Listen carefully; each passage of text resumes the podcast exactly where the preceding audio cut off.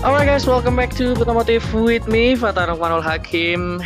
Ya setelah kemarin skip lagi satu race reaction nggak kekerjain karena satu dan lain hal, gue balik lagi di race prediction.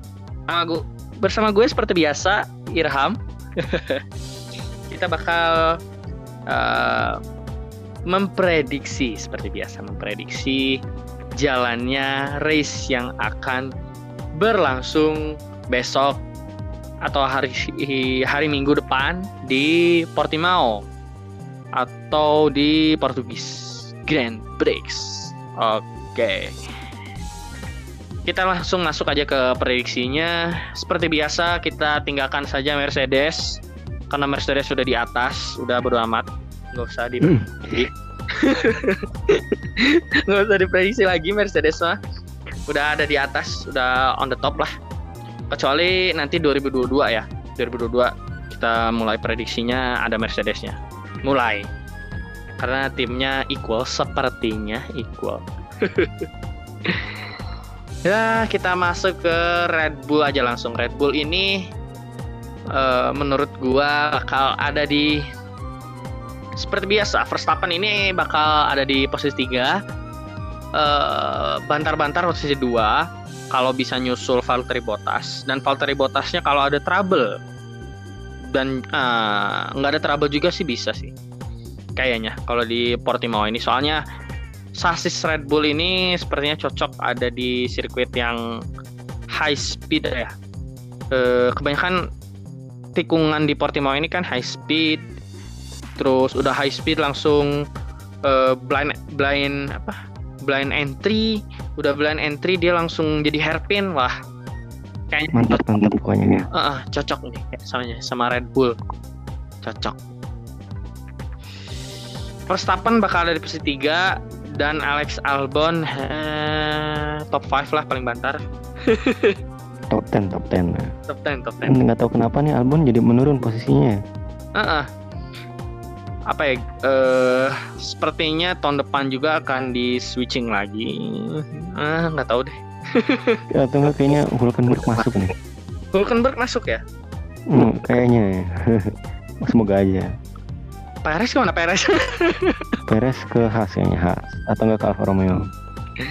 Ya akan dikontrak oleh hmm sekunderinya Ferrari lah. Mudah-mudahan. Masih pengen lihat Perez soalnya. Dia itu jago sebenarnya tapi kurang di mobil. Mendukung aja mob- mobilnya. Heeh, tinggal mendukung di mobil. Kasih Mercedes menang dia. Apa eh, tire manajemennya itu hmm, bagus lah bener. Super. Tire manajemennya dia itu super.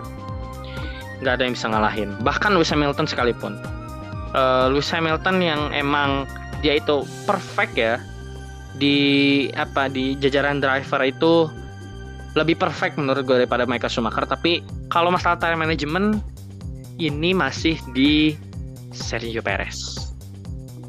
Kalau dari hmm, opini gue nih Mm-mm. yang termasuk tire manajemen yang bagus tuh Vettel, Raikkonen sama Perez. Vettel, Raikkonen, Perez. Hmm. Rekonen, iya kecuali kecuali itu ya, kecuali dia kena lock up segala macam ya nah, pas di flat spot. Vettel tuh urutan ketiga lah Tapi spin terus. Heeh. masalahnya itu spin dia. Ya, eh, Red Bull kita move on ke Renault lah. Karena kemarin mereka podium. Jangan racing point dulu, racing point gak podium-podium. hmm, harapan palsu nih aduh Harkos nih, Harkos, aduh. Gak podium-podium, udah udah apa? Udah kopi Mercedes. Ya, whatever lah. hmm. banyak duit. Oke, Renault ini setelah kemarin podium, menurut gua Dani Rick pantas ada di urutan top 4. Pantas ada di urutan top 4. Bersaing dengan McLaren nantinya. Tapi kalau Esteban Ocon, hmm, Esteban nah Ocon. ini kalau gue denger kayaknya diganti Gasly nih rumornya Ocon. iya Ocon si Gasly ini udah minta kayak apa istilahnya nawarin nawarin gitu lah Oh, udah ini, udah apa? Udah mau udah mau dikontrak atau udah men- mengajukan kontrak. Eh, kayaknya baru mengajukan. Gue baru dengar itu rumor doang. Ya. Tapi Gasly ini apa ya? Lumayan bagus lah. Lumayan ya. Hmm. Setidaknya kan dia pernah menang gitu kan Monza Iya, pernah win gitu. Sedangkan daripada Ocon nah. Ah, kon nggak pernah menang. ya, kalau Ocon sih ya top 10 lah. Ke 10 ya paling mentok, paling mentok dia posisi ada di 13-an lah. Hmm. 13-an menurut gua ya. Dan kita move on ke Racing Point. Racing Point ini eh, tim galau ya tahun ini. Maksudnya tim galau, drivernya udah dua kali diganti. Perez sudah pernah diganti, Stroll udah dua kali. Tentang Covid nih. Nah, iya COVID. Curiganya curiganya ke tim lain juga nular ya. Tapi kalau bahaya.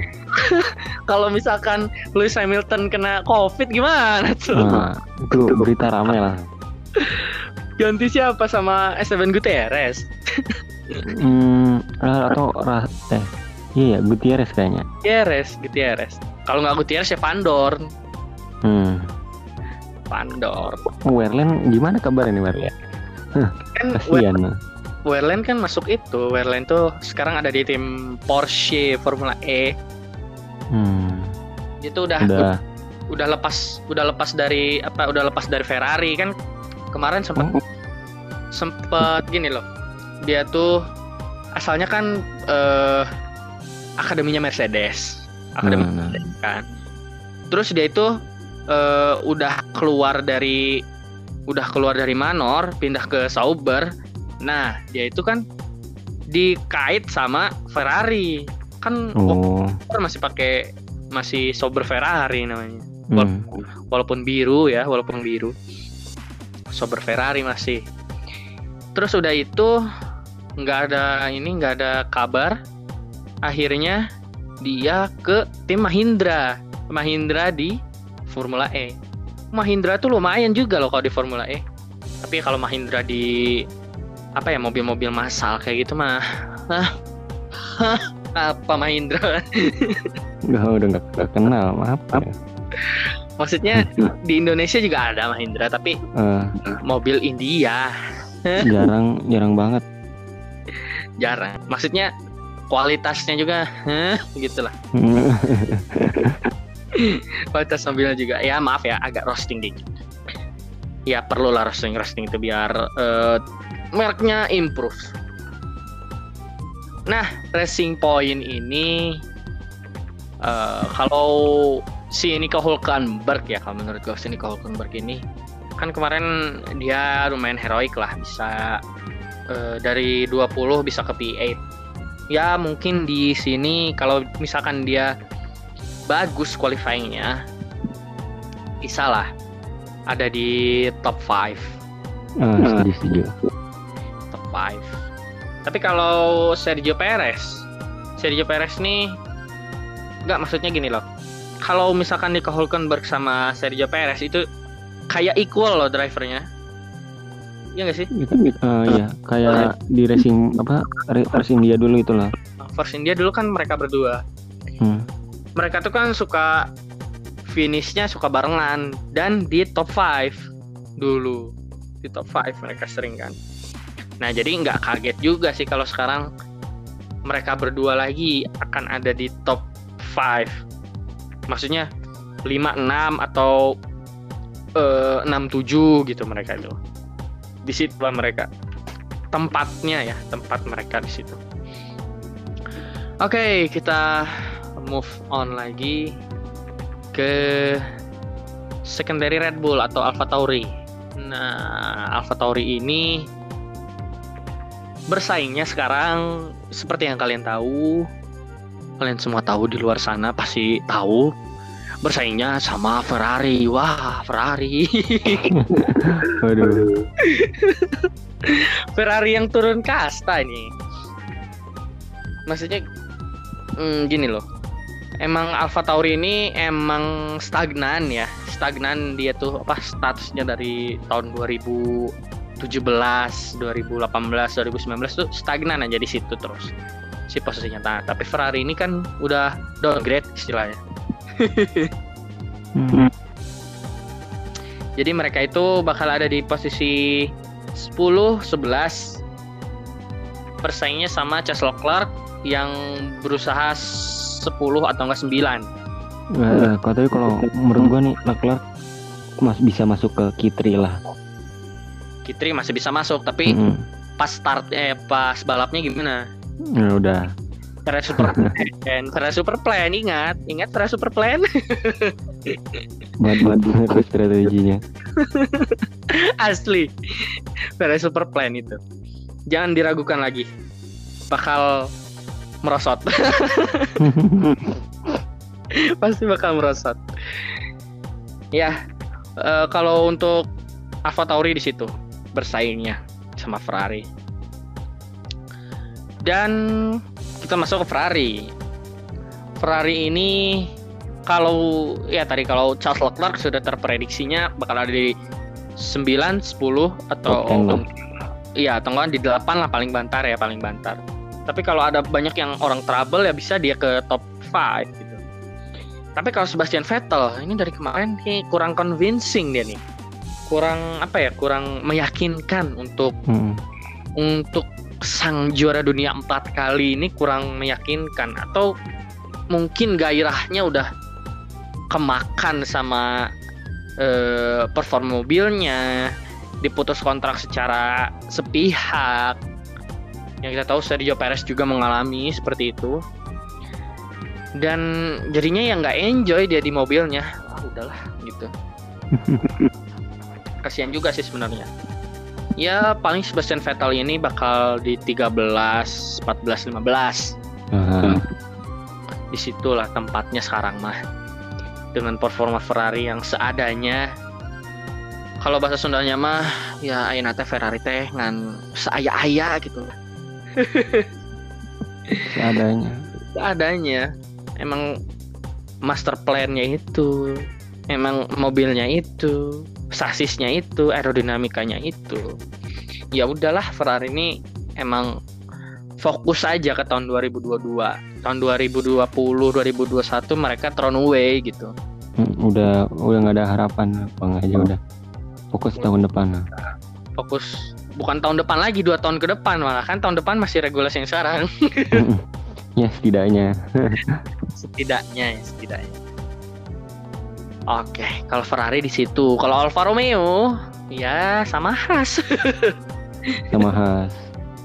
Williams mah udah nggak usah tanya lagi. Williams mah udah nggak ditanya lagi udah di bawah Eh, kalau Haas ini sama Alfa Alfa Romeo masih bisa challenge Ferrari lah Hmm. kemarin juga mesinnya sama. Iya, tiga tiga tiga mesin ini sama tiga mesin ini masih sama. Cuma aerodinamikanya sasisnya beda, pasti beda sasisnya. Eh kalau yang kita tahu banyak beredar bahwa ya Kevin Magnussen Ya itu sih gua tebak dulunya keluar. iya dua-duanya keluar sih. Tapi nggak tahu digantinya sama siapa belum tahu karena eh, masih ngelihat kalem Ailot Sportsman. atau Schwartzman atau Schumacher? Hmm, banyak lah opsinya. banyak opsinya. Pasti bingung Jin Haas nih. Ini tiga-tiganya bagus semua. Tiga-tiganya talent tiga-tiganya talent. Apalagi apalagi yang paling dibanggakan sekarang ya paling diharap-harapkan sama F1 fans semua F1 fans di luar sana ya Mick Schumacher karena David Schumacher jelek Masih F3. di F3 juga di bawah